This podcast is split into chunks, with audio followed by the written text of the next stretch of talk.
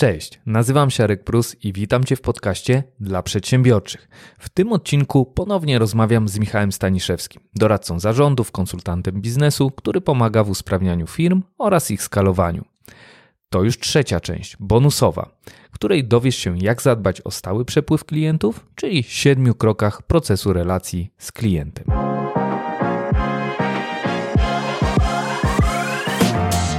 Michał, pytanie do Ciebie. W jaki sposób przedsiębiorcy mogą zadbać o stały przepływ klientów w swoich firmach? To dobre pytanie, ponieważ wielu przedsiębiorców nie robi tego w sposób uporządkowany, przewidywalny, mierzalny i w sposób, który daje im pewną kontrolę nad tym, w jaki sposób to robią. To znaczy, ja mam taką metaforę, której często używam, czyli metaforę, gdzie możesz biegać za klientami jak gość z siatką na motyle i gonić te motyle, próbować je łapać, i to na początku najczęściej po prostu trzeba robić, nie ma innego wyjścia. Ale metoda, do której zachęcam i która dużo lepiej nam się sprawdza, to jest metoda, która polega na tym, że zamieniamy się w ogrodnika, który ma stworzyć taki ogród, taką przestrzeń, taką propozycję wartości, tak y, zmodelować i zaprojektować środowisko, przestrzeń, żeby ci klienci sami chcieli skorzystać z usług. I to trochę jest spójne z badaniami, które pokazują, że dzisiaj proces sprzedażowy się zmienia, że 70% tego procesu sprzedażowego e, dzieje się w internecie. Ludzie po prostu najpierw szukają informacji, próbują się dowiedzieć, jak rozwiązać swój problem, i dopiero na końcu jest taka kropka nad i e, i e, kontakt, relacja z handlowcem. To znaczy przestają działać metody albo są mniej skuteczne metody na zimno, takie, gdzie nie mamy zbudowanego zaufania, nie mamy relacji z tymi klientami, zanim oni jeszcze coś od nas kupią i warto nad tym e, pracować. E, I tutaj są takie dwa elementy, czy takie dwa narzędzia, które powiedzmy my stosujemy i które rozwijamy. Po pierwsze, to jest taki model e, siedmiu kroków procesu relacji z klientem i pewnie za chwilę o nim trochę więcej powiem. Druga rzecz to jest układanie tej relacji w sprinty i w takie, można to nazwać kampaniami marketingowo-sprzedażowymi, ale trochę inaczej realizowanymi niż tak tradycyjnie. E, I to są jakby takie dwa narzędzia. A pewna filozofia, która się pod tym kryje, ona dotyczy głównie, e, można powiedzieć, lejka sprzedażowego, e, gdzie my musimy zadbać o zaufanie i zbudowanie relacji z tym klientem. Ja często mówię, że my nie tworzymy lejków sprzedażowych, tylko my tworzymy, projektujemy proces relacji z klientami. Od takiego klasycznego, można powiedzieć, dzień dobry, to my, do etapu e, dziękujemy kliencie za skorzystanie z naszych usług, co jeszcze moglibyśmy dla Ciebie zrobić, czyli jak, jakby tak klasycznie nazywając cross-selling, upselling swoich produktów, usług po takim pierwszym cyklu. I można powiedzieć, że to jest takie przechodzenie przez kolejne cykle relacji, współpracy z klientami i budowania społeczności wokół naszego biznesu. I teraz, jeżeli chodzi o mm, te obszary, czy tak jakby podejście do do tych poszczególnych klientów, to ja bym tutaj jakby pokazał taki pięć etapów relacji z klientem. Znaczy, mhm. pierwszy etap to jest taka sytuacja, w której mamy obserwujących, to znaczy są osoby, które jeszcze ich my ich jeszcze nie znamy, to znaczy nie mamy do nich danych e, typu kontakt, e, imię, nazwisko, telefon, mail i to są osoby, które są dla nas na tym etapie jeszcze anonimowe i my potrzebujemy zwrócić uwagę tych osób. I za chwilę powiem w ramach procesu poszczególnych tych siedmiu etapów, co, co można tam konkretnie zrobić. Okay. I, I, czyli to jest jakby taka pie, pierwszy typ, czy pierwsza grupa e, klienci, nasz segment e, klientów, nasz rynek, jeszcze nie znamy do nich danych takich, żeby z imienia, nazwiska ich wymienić. E, drugi etap to jest sytuacja, w której oni mm, przestają być dla nas anonimowi. Mamy do nich adresy, możemy się z nimi skontaktować, czy to na Messengerze, czy na social mediach, czy wysłając im mailing E, I oni wtedy zmieniają się w społeczność. To znaczy, my mamy społeczność przedsiębiorców czy naszych klientów, do których możemy się odzywać.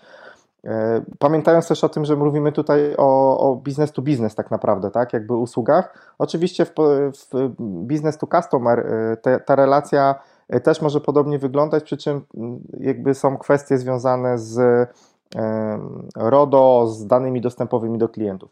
Więc to jest ten drugi etap społeczność.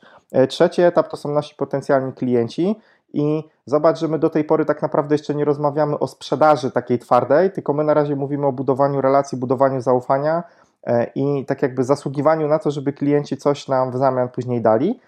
E, I jak już mamy tych potencjalnych klientów, no bo nie każdy ten klient dla nas będzie odpowiedni, e, to dopiero oni tutaj podejmują decyzję, czy chcą z nami wejść jakby w interakcję, chcą coś od nas kupić. I jeśli podejmą decyzję, że chcą coś od nas kupić, no to wtedy dopiero zamieniają się na, na klientów. I tu się nie kończy. To znaczy, w mojej ocenie powinno być tak, że my dbamy jeszcze o to, że jak już mamy tego klienta, dostarczamy mu usługi, sprzedajemy mu produkty, e, to zadbać o niego w taki sposób, żeby on później zmienił się w jakby taką piątą grupę, czyli naszych ambasadorów, fanów, osoby, które nas polecają.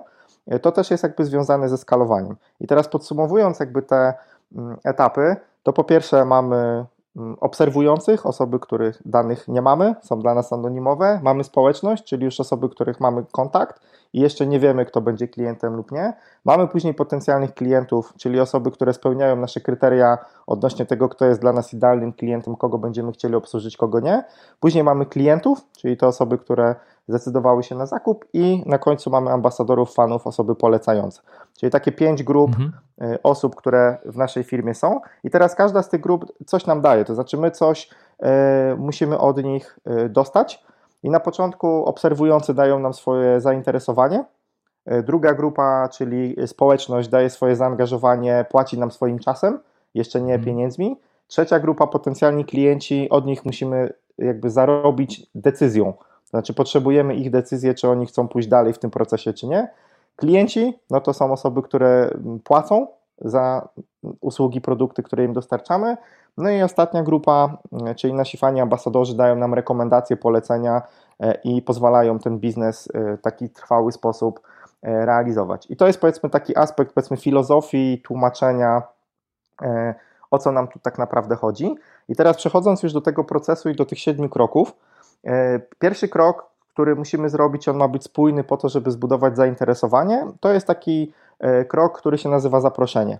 E, trochę tak jak w tańcu pomiędzy klientem a, a nami, musimy tego klienta zaprosić do tego tańca, do tej relacji i zobaczyć, czy wywołamy zainteresowanie. No i co tutaj możemy zrobić, czy co najczęściej się robi. Ja zauważam takie dwie filozofię. Pierwsza, chyba najbardziej popularna, to taka, w której my tworzymy content i budujemy mm, zainteresowanie poprzez publikowanie treści blogów, y, dawanie jakichś materiałów y, bezpłatnie. I to jest taka pierwsza ścieżka najbardziej popularna. Y, zresztą widać to bardzo też często dużo podcastów, blogów, różnego rodzaju artykułów, jakby w działaniach online. Druga ścieżka to taka, w której mm, my mniej się skupiamy jakby na tworzeniu kontentu, tylko bardziej jakby przechodzimy do pokazywania y, problemów klienta. To znaczy, żeby mu pokazać, że to, co my robimy, to jest coś, czego on potrzebuje.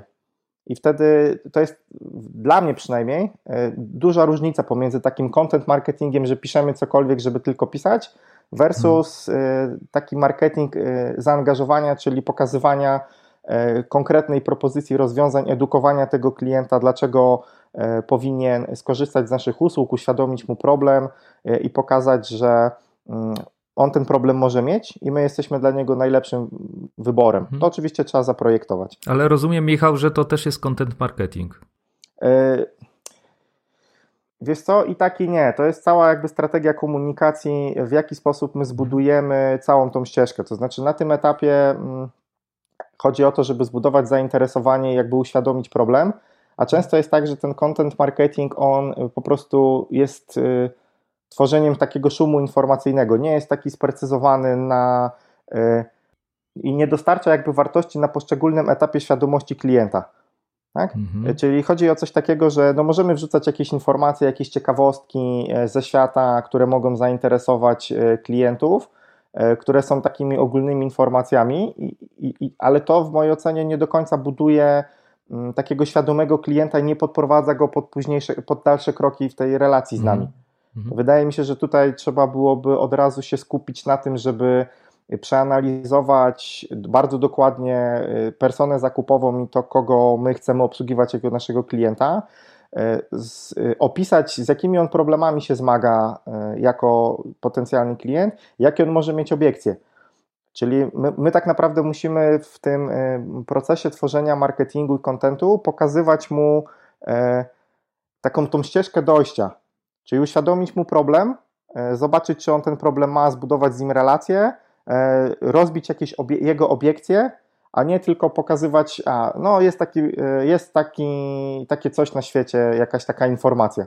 Czyli nie chodzi o to, żeby robić informacje, bo tego jest mnóstwo i można się w tym zgubić, tylko żeby bardzo świadomie zaprojektować kwestie komunikacji i kwestie y, uświadamiania problemu i przeprowadzenia przez taką ścieżkę i zmianę tego klienta. Znaczy, zaczynamy przechodzić w taki marketing nie treści, tylko marketing taki transformacji, marketing zaangażowania. Okay. Czyli to musi być coś, co ludzie zrozumieją, będą chcieli to udostępniać dalej, bo to będzie dla nich y, wartościowe. No bo się robi to coraz trudniejsze dzisiaj. No, zgadza się. Natomiast y, Michał, ja i tak to rozpatruję właśnie w kategoriach content marketingu, tylko z dobrą strategią. Tak, z dobrą strategią i taki skoncentrowany na jakby problemie klienta i budowaniu propozycji wartości już na mhm. tym etapie. Mhm. Jasne. Tak, bo, bo, jasne. bo o to tu głównie chodzi. Okay. No i teraz, jeśli to już jakby tworzymy, e, i to też jakby nie zawsze się odbywa w marketingu tym internetowym, mhm. bo, bo, też nie można zapominać, chociaż dzisiaj z punktu widzenia mm, tej całej sytuacji z koronawirusem to może być trudne, e, no to też e, ten online'owe, e, znaczy offline'owe spotkania, tak? Mhm. Gdzie musisz umieć powiedzieć, czym się zajmujesz, w jaki sposób pomagasz swoim klientom podczas spotkań. I my tutaj jeszcze nie sprzedajemy. To jest często błąd, że szczególnie na LinkedInie to dostrzegam. Dzień dobry, my robimy to, to i to, kup pan. I te, ten model po prostu nie, nie działa, nie, jest nie, nieefektywny. I teraz, jeśli my wzbudzimy zainteresowanie naszymi działaniami, no to przechodzimy do tego drugiego etapu, czyli ktoś, kto mówi: A, to jest ciekawe, to o czym mówisz, e, porozmawiajmy o tym więcej. E, to jeszcze też na tym etapie nie, sprze e, nie sprzedajemy tak stricte, tylko przygotowujemy się pod sprzedaż, tak? Czyli dajemy klientowi odczuć, że to, co my mamy dla niego, będzie mm, odpowiednie, ponieważ on tutaj musi dać swoje zaangażowanie, to znaczy musi wykazać, że, że chce, tak jak jakby w tej metaforze tańca mówimy, e, dzień dobry, czy chciałbyś, e, czy chciałabyś zatańczyć, albo czy chciałbyś zatańczyć, e, tak, jestem zainteresowany chętnie, tak, i, i, i spróbujmy.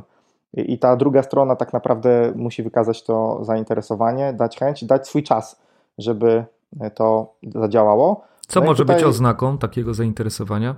E, wiesz co, to jest takie trochę przewrotne, ale czasami to jest y, po prostu danie kontaktu, to jest danie mm, swojej wizytówki, to jest, bo, bo tutaj jest też dużo takich mitów. No idziesz na spotkanie networkingowe i mm, albo rekomendacji biznesowych i ktoś na spotkaniu jeszcze nie wie, czym się zajmujesz, od razu rozdaje wizytówki. A tak naprawdę jeszcze nie wie, czy ty tą wizytówkę potrzebujesz, czy to, co on robi, akurat y, jest mu potrzebne. I oczywiście może to też zadziałać, ale skuteczność, efektywność tych działań będzie słaba. E, tak, e, może to być like, komentarz, e, zaproszenie do sieci kontaktów. Ważne jest to, żeby mm, na tym etapie mieć świadomość, że my jeszcze nie sprzedajemy, tylko my tak naprawdę budujemy relacje z tymi klientami, żeby zobaczyć, czy to w ogóle są klienci dla nas. Czyli żeby właśnie tworzyć tą, ten ogród, a nie łapać za motylami. No myślę, że nikt nie lubi e, sytuacji, w której jeszcze dobrze się nie znamy, jeszcze nie wiem, jakie masz potrzeby, jeszcze nie wiem, mm, jakie masz problemy biznesowe, a już mówię Ci o moim rozwiązaniu. Tak naprawdę klienta to często e, nie dotyczy, przynajmniej na tym etapie, albo może się okazać, że mimo to, że rozwiązanie jest dla niego, no to za szybko też nie jest dobre. No to jest jakby ta sztuka, umiejętność e, i, i budowania relacji, budowania marketingu i sprzedaży. I my się musimy po prostu tego nauczyć, że dzisiaj ten proces po prostu wygląda zupełnie inaczej. Nie, jest bardzo dużo na rynku rozwiązań, propozycji, no i klienci mają wybór. I najpierw musimy na to zaufanie, na ten czas zasłużyć.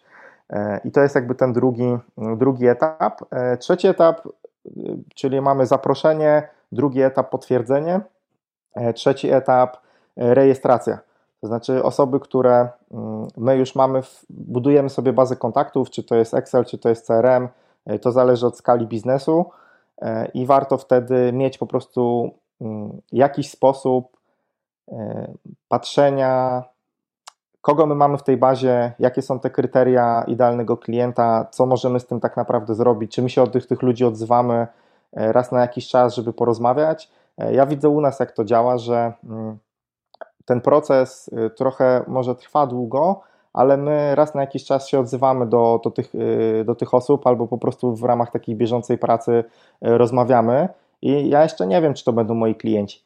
Ja po prostu z tymi osobami rozmawiam, no bo chciałbym być blisko tych osób, I, to są osoby na różnych jakby poziomach biznesowych i to może nie jest jakby efektywne na, na początku, ale, ale buduje relacje.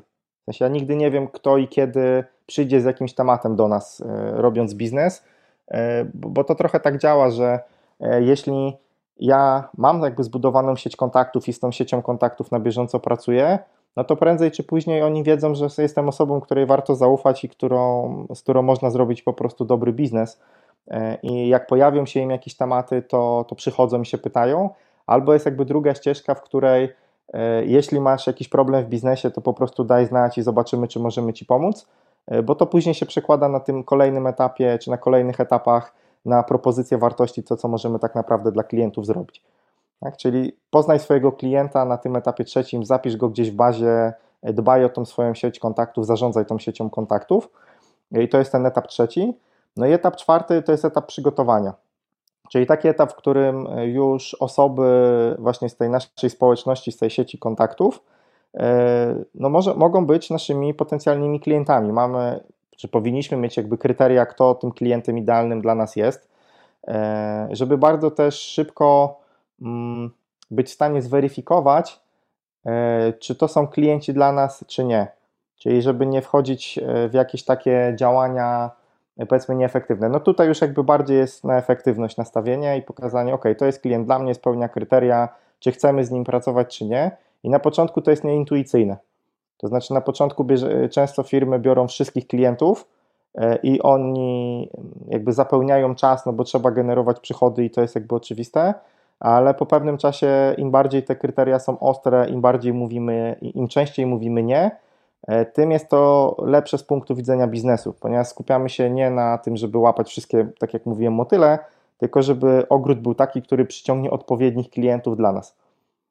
I to, to jest jakby do, do zrobienia. Ale rozumiem, że do tego trzeciego etapu też e, trafiają nieprzypadkowe osoby, bo powiedziałeś, że w tym, e, na tym etapie zapraszania mhm. zapraszamy ludzi chociażby przez ten strategiczny content marketing, mhm. ale w sposób świadomy. Znaczy, to, to zależy od tego, jak, jakby buduje, jak budujesz organizację. I teraz, jeśli to są startupy i możesz to od razu od początku zaprojektować, no to jak najbardziej na tym, na tym czwartym etapie już masz tych klientów, których tak naprawdę chcesz, e, a okay. nie wszystkich. Ale no, z racji tego, że my pracujemy zarówno z startupami, czy z nowymi pomysłami biznesowymi, gdzie jeszcze jest bardzo dużo znaków zapytania odnośnie modelu biznesowego, propozycji wartości, e, tych nisz biznesowych, ale pracujemy również z biznesami, które już działają na rynku jakiś czas i e, bardzo różnie to u nich wygląda. Znaczy jest tak, że czasami jest ta świadomość na tyle duża, że e, ten marketing jest tak tworzony, żeby konkretne osoby docierały na ten czwarty etap, żeby rozmawiać już o rozwiązaniach, e, a bardzo często się zdarza tak, że na tym etapie trafiają klienci przez nasze działania, przez to, że jesteśmy długo na rynku i firma ma taki problem, że są klienci, super, mamy potencjalne, e, znaczy potencjalnych klientów, jest ich dużo, e, część z nich kupuje, ale okazuje się, że ci, którzy kupują, oni są nie, jakby niemarżowi albo nieefektywne to jest dla nas. E, czy na przykład takich, na takich case'ach może po, po, po, porozmawiajmy, to będzie mi pewnie łatwiej to tłumaczyć. Załóżmy, że mamy, nie wiem, agencję marketingową, która tworzy, nie wiem, strony internetowe albo jakąś kreację dla, dla, dla przedsiębiorcy. No i teraz, jeśli e, dostaję klientów i ci klienci mm, są tak spozycjonowani, że strona ma być tania, e, bo tak zrobiliśmy marketing, czy nie zbudowaliśmy swojej wartości przez te działania na wcześniejszych etapach tego procesu, e, no to będzie się okazywało, że mm, przy niskich kosztach musimy dostarczać jakąś tam usługę premium i to się po prostu nie, nie spina. Czyli są klienci, ale płacą za mało albo nie, nie doceniają wartości tego, co my dla nich mamy. I oczywiście na początku biznesu no łapiesz wszystkich, no najczęściej tak jest, ale od razu bym sugerował y, jakby budowanie tego całego marketingu, budowanie tego całego procesu pod takiego swojego idealnego klienta. Oczywiście, jeżeli masz taki komfort. No bo mm, też widzę, że jeżeli ktoś y, pracował nie wiem, w dużej organizacji albo w korporacji, wychodzi z tej organizacji, to warto rozważyć y, model, w którym zanim w ogóle się rzucimy na głęboką wodę i wyjdziemy z firmy, to zaczniemy budować swój biznes, powiedzmy na zdrowych zasadach, jeszcze pracując na etacie, mając taki komfort, że przychody są ze źródła, jakim jest etat, a my po godzinach tworzymy organizację i dopiero kiedy ona osiąga pewną skalę, to wtedy się przepinamy. Ale wtedy jest powiedzmy łatwiej, łatwiej wystartować. Ja to też jakby patrzę ze swojego doświadczenia, że ja często na głęboką wodę się rzuciłem i to za pierwszym razem się nie skończyło zbyt dobrze. Mm, później już trochę bardziej świadomie, e, ale dzięki temu jakby wiem, że mm, to można zaprojektować. Mało się nas uczy też w Polsce, jak budować swoje organizacje, jak budować biznesy, e, na czym polega tworzenie produktu, marketing, e, bo raczej się nas uczy, jak pracować na etacie i realizować zadania jakby w ramach, w ramach firm. No ale to już odchodzimy od takiego, jakby tego koru naszej rozmowy, tylko mówimy o pewnej filozofii, no tak. Pewnym mindsetie, który powinien przedsiębiorca mieć, ale myślę, że to jest i tak lekcja, którą muszą odrobić powiedzmy wszyscy przedsiębiorcy. Czyli tak stworzyć ten proces, tak stworzyć tą swój ogród, tą przestrzeń, żeby trafiali do nas tacy klienci, z którymi chcemy pracować, tacy, którzy doceniają wartość, którą my im dajemy, którzy chcą za tą wartość płacić tyle, ile my chcielibyśmy za tą wartość mm, jakby dostać. I to jest jakby ten taki idealny świat trochę. Tak? Y, pewien etap, który jest y, w tym, co my robimy, jest taki etap jakby w rozwoju, w, programach, które realizujemy dla przedsiębiorców, który się nazywa Wyznać swoje standardy. I tam bardzo dużo pracujemy nad tym, jakie my mamy standardy doboru klienta, jakie są kryteria, y, powiedzmy, wybierania tych klientów, i co tak naprawdę dla nas jest takim idealnym światem? Jak zaprojektować taką firmę, która jest dla ciebie świetnym miejscem, w której ty się realizujesz w pełni, robisz to, co kochasz, robisz to, na czym się znasz, co cię pasjonuje i jak na tym dobrze, dobrze zarabiać, albo inaczej, zarabiać tyle, ile potrzebujesz zarabiać. Mhm. No bo to jest tak naprawdę nasza decyzja jak to zaprojektować. Michał, jest, zatrzymaliśmy się na punkcie numer 4, czyli mhm. przygotowaniu, tak? Tak. Przygotowanie. E, tak, to, to jest jakby punkt przygotowanie z takich bardzo konkretnych rzeczy, które warto tutaj w mojej ocenie zrobić. E, na pierwszym, drugim, trzecim kroku budujemy swoją społeczność. Na tym czwartym kroku ja często mówię, że to jest taka trochę kropka nad i e, w procesie tym relacji z klientem, gdzie my mm, wydaje mi się, że większość procesów wygląda w ten sposób, że jest jakaś jest rozmowa taka sprzedażowa e, wtedy. E, dlatego, że nawet jeżeli robimy te nasze działania w internecie, to jednak ludzie potrzebują, żeby z kimś pogadać i zobaczyć, czy mm, dostosować rozwiązanie, czy rozwiązanie, które my mamy, czy proponujemy w internecie, to jest rozwiązanie dla nich, czy można jakoś dopasować do ich konkretnych potrzeb. Ponieważ możemy ten proces oczywiście też automatyzować, jakby ten, o którym mówimy, E, ale na pewnym etapie warto byłoby mieć właśnie tą kropkę na D, ten taki mm, trochę taką nutkę mm, relacji z tym klientem, czyli taki etap, że mamy automat, automat to jest y, bezosobowe, a w pewnym momencie jest sytuacja, gdzie trzeba jednak z drugą osobą porozmawiać i to też trochę zmienia ten proces takiego tradycyjnego handlowca czy, sprzedawcy. Czyli zamiast od razu na samym początku y, biegać do klienta, szukać go na zimno, to tak zbudować ten proces y, w internecie, budować sobie skalę, żeby już na tym etap czwarty przychodzili ludzie, z którymi my chcemy pracować, idealni klienci dla nas, że my musimy tylko domknąć tak naprawdę tą sprzedaż, ale ona będzie wtedy łatwiejsza i te wskaźniki będą później mm, łatwiejsze do zrealizowania, czy wskaźniki konwersji, e, czy, czy inne wskaźniki dotyczące tego procesu.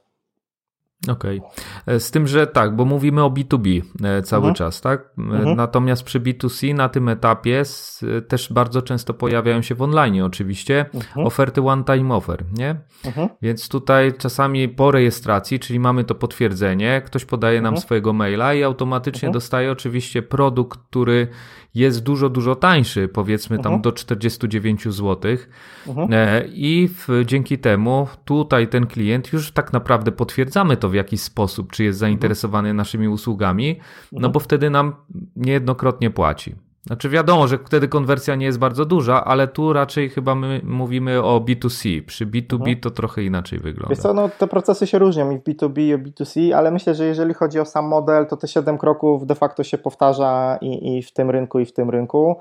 Mm, oczywiście kwestia zaprojektowania mm, tych, tych procesów, co dokładnie w poszczególnym etapie powinno się zadziać.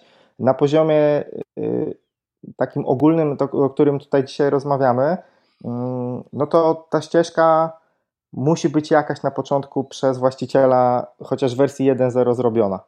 Bo ja bardzo często zauważam, że e, nie jest to zaplanowane, nie jest to zaprojektowane, macie produkt, idźcie w rynek, róbcie coś.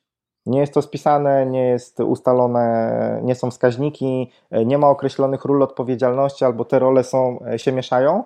No i teraz, jeżeli jesteśmy w stanie na poziomie chociaż takim 1.0 zrobić te 7 kroków, ustalić jakiś sposób pracy z klientami, no to mamy jakiś sposób powtarzalność, przewidywalność i możemy to dopracowywać.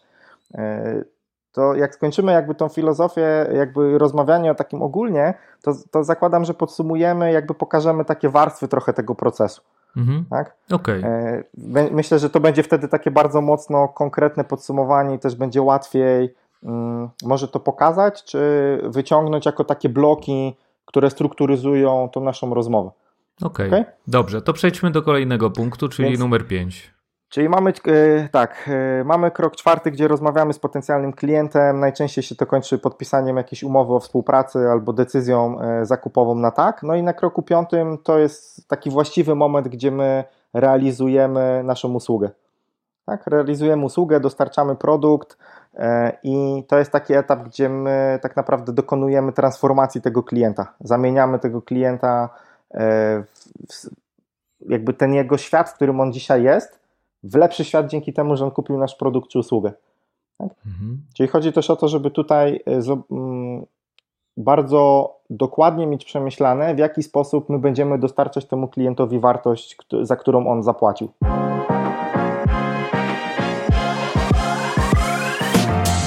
I później w kolejnym etapie, czyli etapie szóstym, jest informacja zwrotna, czy klient był z tego zadowolony. Mhm. Na tym etapie piątym, tak jak my realizujemy projekty e, doradcze, e, no to to jest na przykład 3 miesiące, pół roku współpracy. No i my na każdym podczas jakby każdego spotkania, podczas każdej interakcji, relacji, my de facto jesteśmy w tym procesie w kroku piątym w realizowaniu usługi dla naszego klienta no i tutaj bardzo dużo rzeczy może się zdarzyć, zarówno pozytywnych, jak i negatywnych.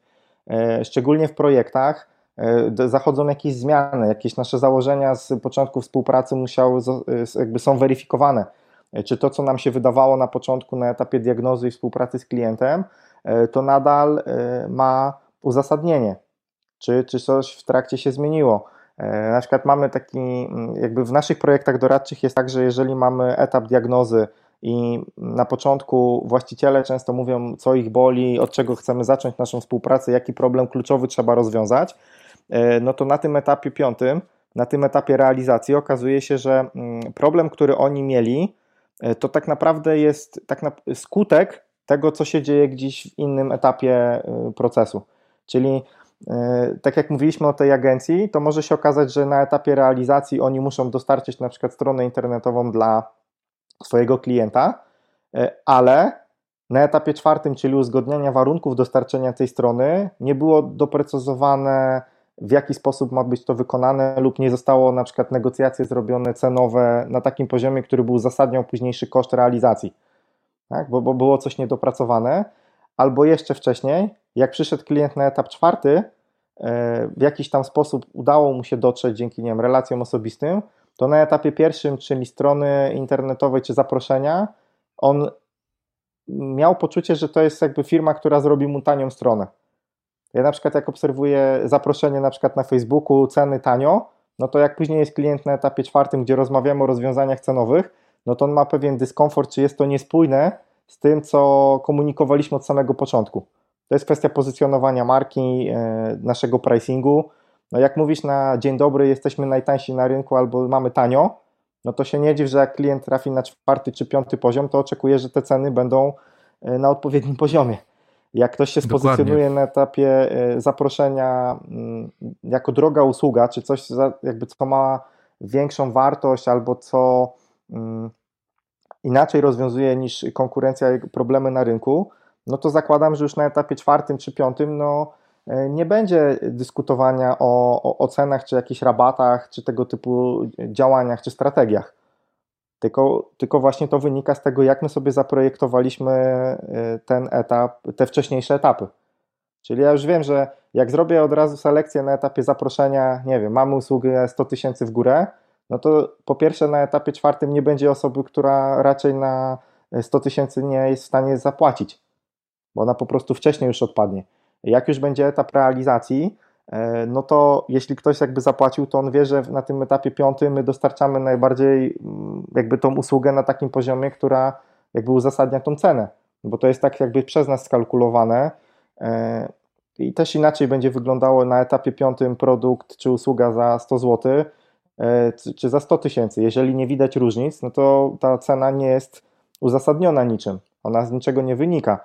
E, I tutaj dochodzimy znowu do takiego strategicznego patrzenia, czy na strategię Błękitnego Oceanu, czy na nasze, naszą wycenę wartości, czy na nasze umiejętności nie wiem, negocjacji na wcześniejszych etapach. To myślę, że możemy bardzo dużo o tym rozmawiać, ale e, tak jakby podsumowując i to układając, e, no to na tym etapie piątym to to jest jakby moment, gdzie dzieje się tak naprawdę magia dla klienta, bo rozwiązujemy mu problem, dostarczając usługi, produkty, rozwiązania, które e, zaspokajają jego potrzeby w najlepszy możliwy sposób przy danych warunkach cenowych czy danych warunkach realizacji. No i teraz, jeśli to dobrze robimy, no to przechodzimy do kolejnego etapu informacji zwrotnej, czy, czy klient był zadowolony, czy dostał to, co potrzebował, czy to mu zmieniło świat, czy nie. Mhm. A w jaki sposób możemy zbierać tą informację, poza oczywiście tradycyjną rozmową? Wiesz co, no to znowu zależy od tego, wiesz, złapię się na tym, że cały czas mówię to zależy, tak jak prawnicy i konsultanci czy doradcy, ale w mojej ocenie kluczowe jest to, jak my sobie zaprojektujemy ten proces y, z tych siedmiu kroków, a później mhm. jak będziemy wchodzić w te poszczególne detale na tych poszczególnych etapach.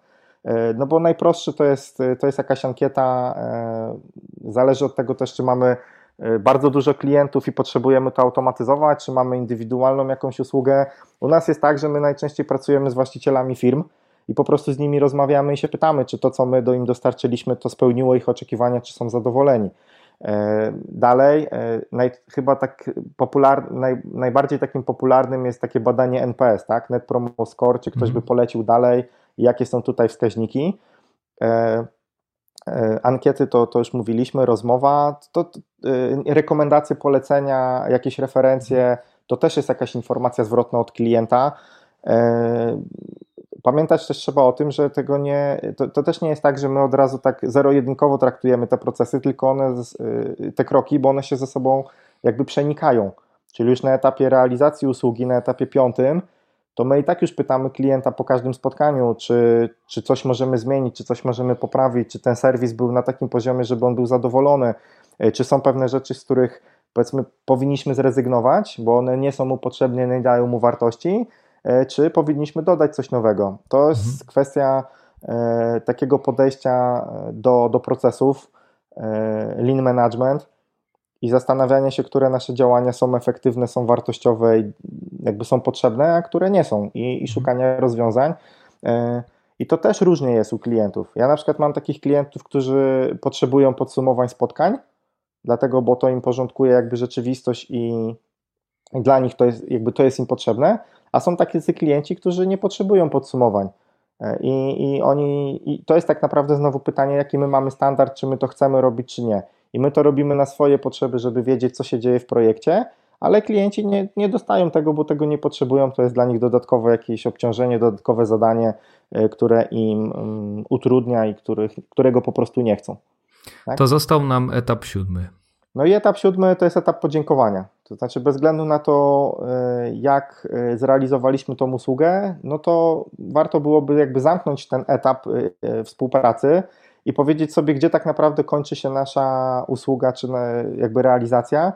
Dlatego, że zauważyłem, że jak nie zrobimy tego w taki sposób projektowy, że mm, mamy początek i koniec, to ta współpraca się tak rozwleka i tak naprawdę nie wiadomo, mm, kiedy kiedy kończymy. I to się później przeradza w taką, taki stan, że nie wiadomo, czy my jeszcze jesteśmy, współpracujemy, czy jeszcze nie współpracujemy, e, czy, czy coś jest dalej, czy nie jest coś, e, czy nie ma czegoś dalej. E, tu jest etap właśnie cross-sellingu i upsellingu i, i pokazania klientowi, słuchaj, masz jeszcze kolejne jakieś propozycje czy możliwości. U nas to trochę polega na tym, że mm, jeżeli ktoś wszedł w projekt doradczy, no to my sobie ustalamy jakiś czas współpracy, no i po tym czasie podejmujemy decyzję, drogi kliencie. Zrobiliśmy w ramach projektu doradczego to, co sobie zaplanowaliśmy, ustaliliśmy, zrealizowaliśmy cele biznesowe. No i pytanie, czy chcemy tą współpracę naszą kontynuować, czy jesteś zadowolony, czy chcemy pójść dalej i pracować nad kolejnymi obszarami w swoim biznesie, e, czy, e, czy nie, ponieważ już my nie jesteśmy w stanie dostarczyć Ci wartości. Czasami klienci potrzebują zmiany nie dlatego, że my zrobiliśmy coś źle, ale dlatego, że potrzebują jakichś nowych bodźców, jakichś nowych inspiracji. I okazuje się, że mm, biorą jakąś nową firmę, pracują z nimi e, i, i to im daje ten rozwój. No bo to są też nasze ograniczenia. Że my na przykład, e, może, może też być taka sytuacja, że my już nie jesteśmy w stanie pomóc, bo nie mamy rozwiązania czy propozycji dla tego klienta. E, mhm. Oczywiście to jest już po naszej stronie, żeby tak zaplanować ścieżkę współpracy, żeby mieć klienta na stałe i na, na dłuższą współpracę. No bo teraz jest znowu pytanie, czy my chcemy budować jakby środowisko, przestrzeń e, biznesową, gdzie my jesteśmy dostarczycielem rozwiązań różnych i zaspokajamy te potrzeby i one się będą zmieniać z czasem, e, czy chcemy mieć jednorazową sprzedaż i później cały czas właśnie biegać za motylami, szukać tych klientów.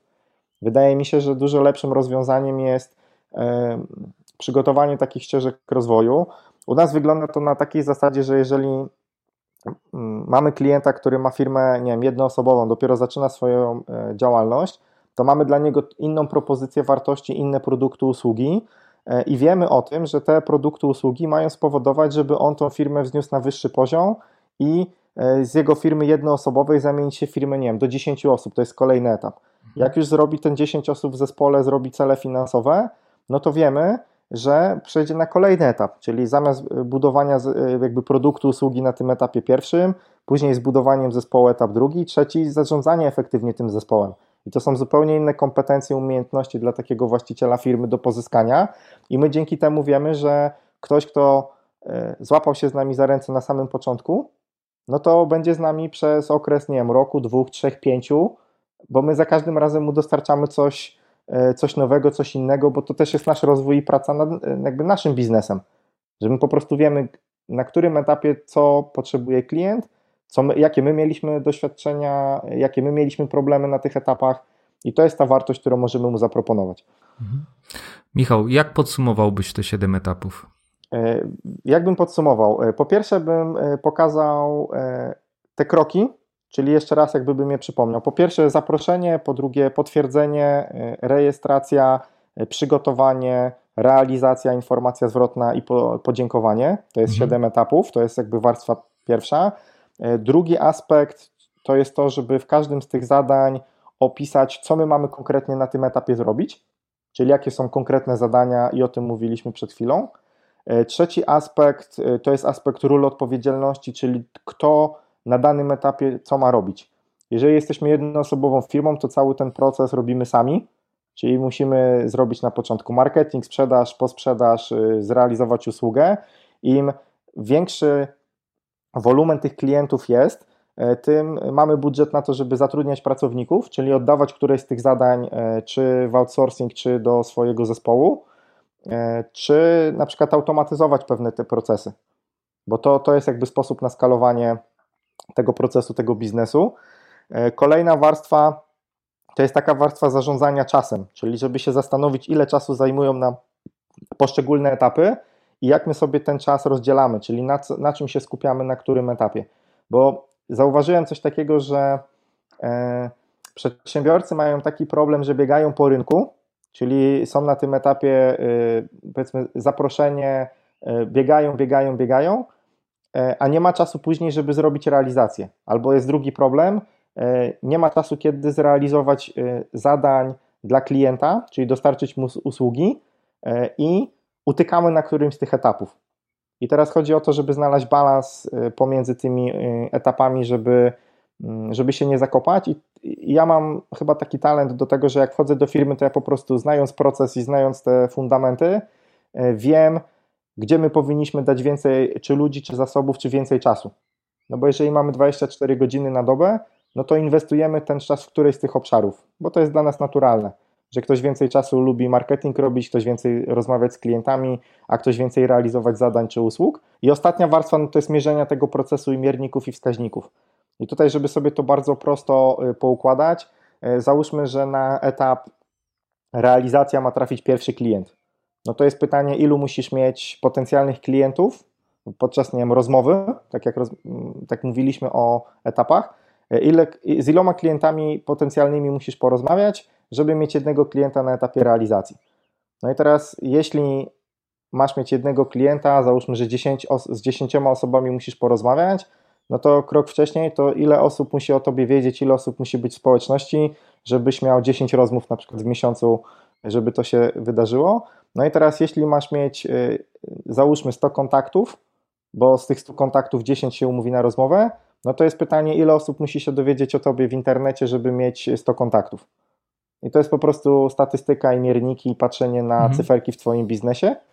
E, I jak to poukładasz, no to tak naprawdę jesteś w stanie dużo łatwiej i w przewidywalny sposób realizować strategię i skalować swój biznes, ponieważ zupełnie inne e, mierniki będą, jak tych klientów będzie 10, 100 czy 1000 e, w tych etapach tego procesu. Druga rzecz, będą też wskaźniki E, typu wskaźnik zainteresowania, zaangażowania, e, wskaźnik konwersji, wskaźnik rekomendowania i patrzenie na te wszystkie warstwy, czyli co mam zrobić, na którym etapie, kto za to ma odpowiadać, kto ma mieć rolę odpowiedzialności w tych poszczególnych etapach, ile czasu poszczególne etapy zajmują, jakie są mierniki finansowe, niefinansowe tych etapów, to ci pozwala dużo łatwiej rozwijać biznes, dużo łatwiej identyfikować te miejsca, które nie do końca dobrze działają.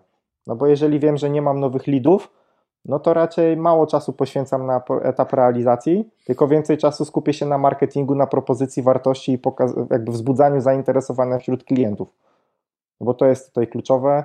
Jeśli mam dużo e, potencjalnych klientów z jakichś moich działań, ale na przykład nie ogarniam realizacji, tutaj jest problem, no to najpierw gasimy pożar na realizacji, no bo to jest jakby najważniejsze w firmie. Jak realizację uporządkujemy, no to możemy się zastanowić, co poprawić wcześniej, żeby trafiali w bardziej przewidywalny sposób ci klienci na etap e, czwarty. Mhm. No i to jest jakby taka cała, e, cała jakby praca nad, nad rozwojem biznesu i to jest pierwszy proces w mojej ocenie, który no musi być w firmie ułożony, mm, jakby skodyfikowany, oprocesowany, sprocedurowany, żeby każdy wiedział, co jest do zrobienia, kto ma to zrobić, ile czasu, pieniędzy poszczególne etapy kosztują. Michał, wielkie dzięki za garść inspiracji. No i do usłyszenia, do zobaczenia. Do usłyszenia w takim razie. Wszystkiego dobrego. No hej. Na razie, hej. Dzięki za wysłuchanie tego odcinka. Jeśli masz sugestie do podcastu, będę wdzięczny za każdą opinię, bo to pozwoli rozwijać mi podcast we właściwym kierunku. W tym celu odezwij się do mnie przez Facebooka albo na maila kontakt małpa zmodelowani.pl. I jeśli podobają Ci się nagrania i korzystasz z Apple Podcast, będę wdzięczny za pięciogwiazdkową opinię. Wszystkiego dobrego dla Ciebie. Słuchaj, zmodeluj i zarabiaj.